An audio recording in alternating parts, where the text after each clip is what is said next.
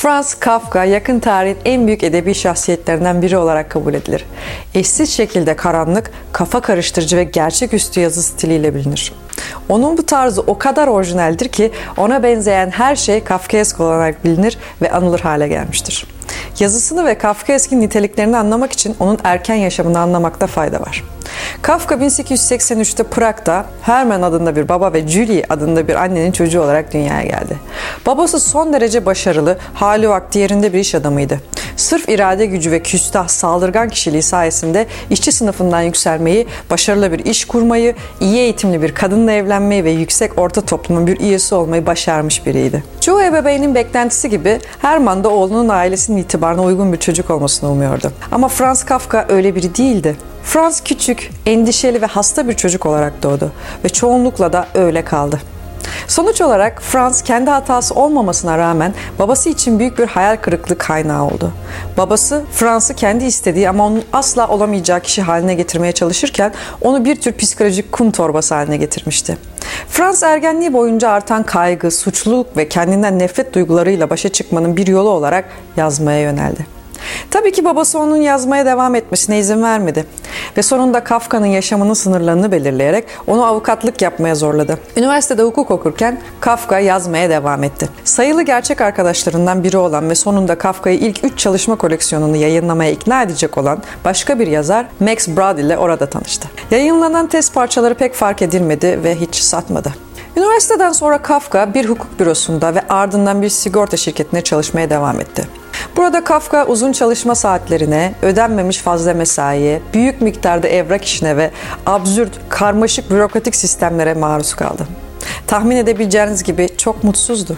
Sigorta şirketinde çalışırken bir yandan da yazmaya devam etti.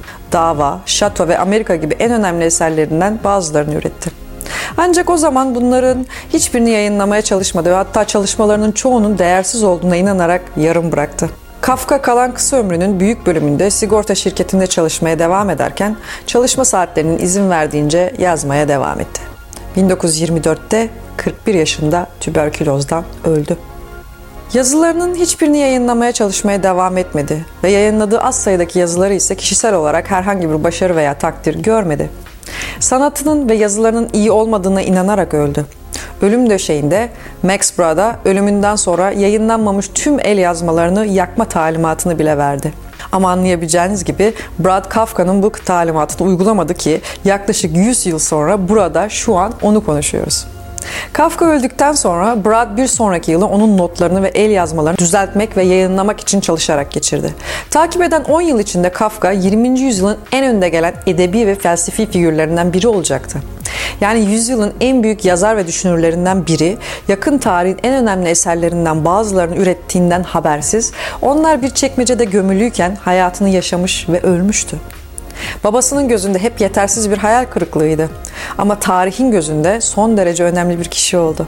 Kim bilir Kafka gibi kaç kişi bu dünyada gerçekten kim olduklarını ya da olabileceklerini görmeden yürümeyi sürdürdü. Kim bilir fikirleri dünyayı sonsuza dek değiştirebilecek kaç kişi sesini paylaşmadan yaşadı ve öldü. Kaç kişi öldükten sonra nasıl tanınacaklarını hiç bilemedi. Neyse ki Kafka'nın eserleri kurtuldu ve onun adına tamamen yeni bir düşünme ve yazma türü oluştu. Kafkaesk. Genel olarak Kafkaesk terimi kapitalist, yargısal ve hükümet sistemlerinin bürokratik doğasına atıfta bulunma eğilimindedir. Hiç kimsenin neler olup bittiğine dair kapsamlı bir kavrayışa sahip olmadığı ve sistemin gerçekten umursamadığı karmaşık, belirsiz süreçlere değinir. Ancak Kafkaesk'in niteliği bundan çok daha öteye uzanır.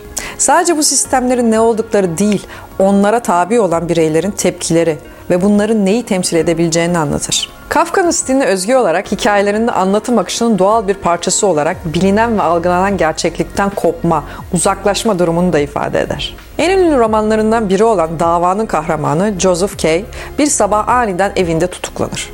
Memurlar Kay'e neden tutuklandığını bildirmezler ve daha sonra Kay hiçbir şeyin gerçekten açıklanmadığı, pek mantıklı da olmadığı uzun, saçma bir duruşmaya zorlanır. Duruşma yolsuzluk ve düzensizliklerle doludur ve romanın sonunda bir sürü dolambaçlı olaydan sonra K'ye neden tutuklandığı asla söylenmediği gibi suçlu bulunur ve mahkum olur. Daha popüler hikayelerinden biri olan Metamorfoz'da kahramanı Gregor Samsa net bir açıklaması olmadan aniden bir böceğe dönüşmüş olarak uyanır. Gregor roman boyunca işe gitmek, patronuyla uğraşmak ve muhtaç ailesine bakmak gibi sorunlarla karşılaşır. Ve elbette bunları yapamaz. Çünkü o artık bir böcektir. Ve böylece hem ailesi için gereksiz bir baş belası olmuştur hem de berbat durumuyla başa çıkmaya çalışır. Her iki hikayede de kahramanlar hiçbir açıklama olmaksızın ani ve saçma durumlarla karşı karşıya kalırlar. Ve sonunda bunun üstesinden gelmek için gerçek bir şansları da olmaz. Karşılaştıkları zalim, anlamsız engellere yenilirler. Çünkü neler olup bittiğini anlayamaz veya kontrol edemezler. Kafka'nın üslubunun ve çalışmasının özelliği absürtle bu yüzleşme gibi görünüyor. Bir karakterin çabalarının, akıl yürütmesinin ve dünya algısının kaçınılmaz anlamsızlık parametreleriyle karşılaştığı bir çatışma. Kafkaesk yapı karakterlerin başlarına gelenleri anlamlandırmak ve durumlarını çözmek için olan mücadelelerinde başarının hem imkansız hem de nihayetinde anlamsız olduğu durumlarda bulunur. Ve karakterler yine de denerler. Bir yorum bu koşulların Kafka'nın insanlık durumlarına bakış açısının simgesi olduğudur kaygı, suçluluk, saçmalık ve ıstırap gibi varoluşsal problemler üzerinde cevap alabilme ve onları zapt etme arzusu.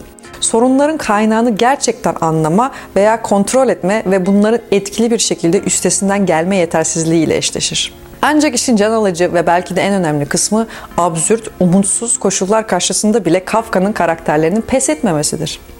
En azından başlangıçta akıl yürütmeye, anlamaya veya anlamsızlıktan kurtulmaya çalışarak durumlarına karşı savaşmaya devam ederler. Ama sonuçta hepsi boşunadır.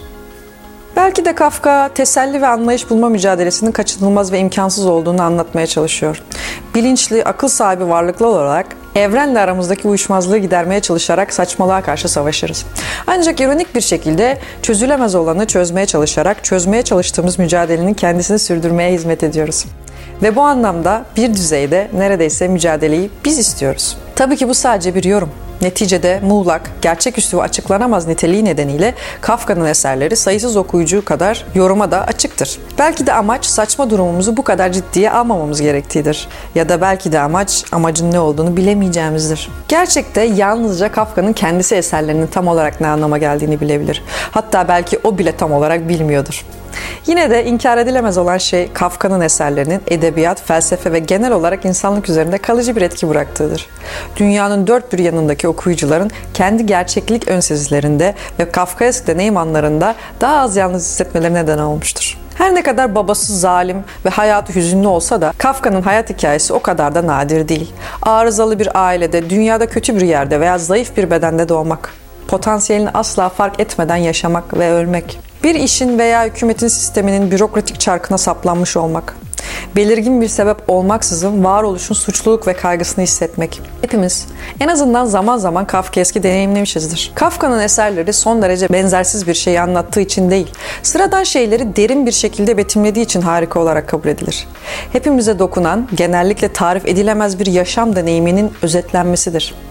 Kafka'nın çalışmaları sahte umut veya yanılgılarla ruhu hafifletmeyi değil, benliğin daha karanlık yönleriyle doğrudan yüzleşmeyi amaçladı. Kendi insani deneyimlerinin haritasını çıkarmak için gerçekliği çarpıtarak engelsiz bir şekilde kendini incelemenin bir yolunu buldu ve başkalarının da aynısını yapması için dünyada bir yer açtı. Bence sadece bizi yaralayan ya da bıçaklayan türden kitaplar okumalıyız. Okuduğumuz kitap kafamıza bir darbe vurarak uyandırmıyorsa ne için okuyoruz? Bizi mutlu etsin diye mi? Ya Rabbi eğer hiç kitabımız olmasaydı kesinlikle mutlu olurduk diye yazmıştı Kafka bir arkadaşına mektubunda. Bunu açıkça paylaşmamış olsa da Kafka'nın eserleri bize pes etmek istediğimizi değil, tüm saçmalıklara ve sorunlara rağmen devam etmek istediğimizi hatırlatır. Evrene karşı mücadele etmek ve kendi yolumuzu oluşturmak istediğimizi. İzlediğiniz için teşekkürler.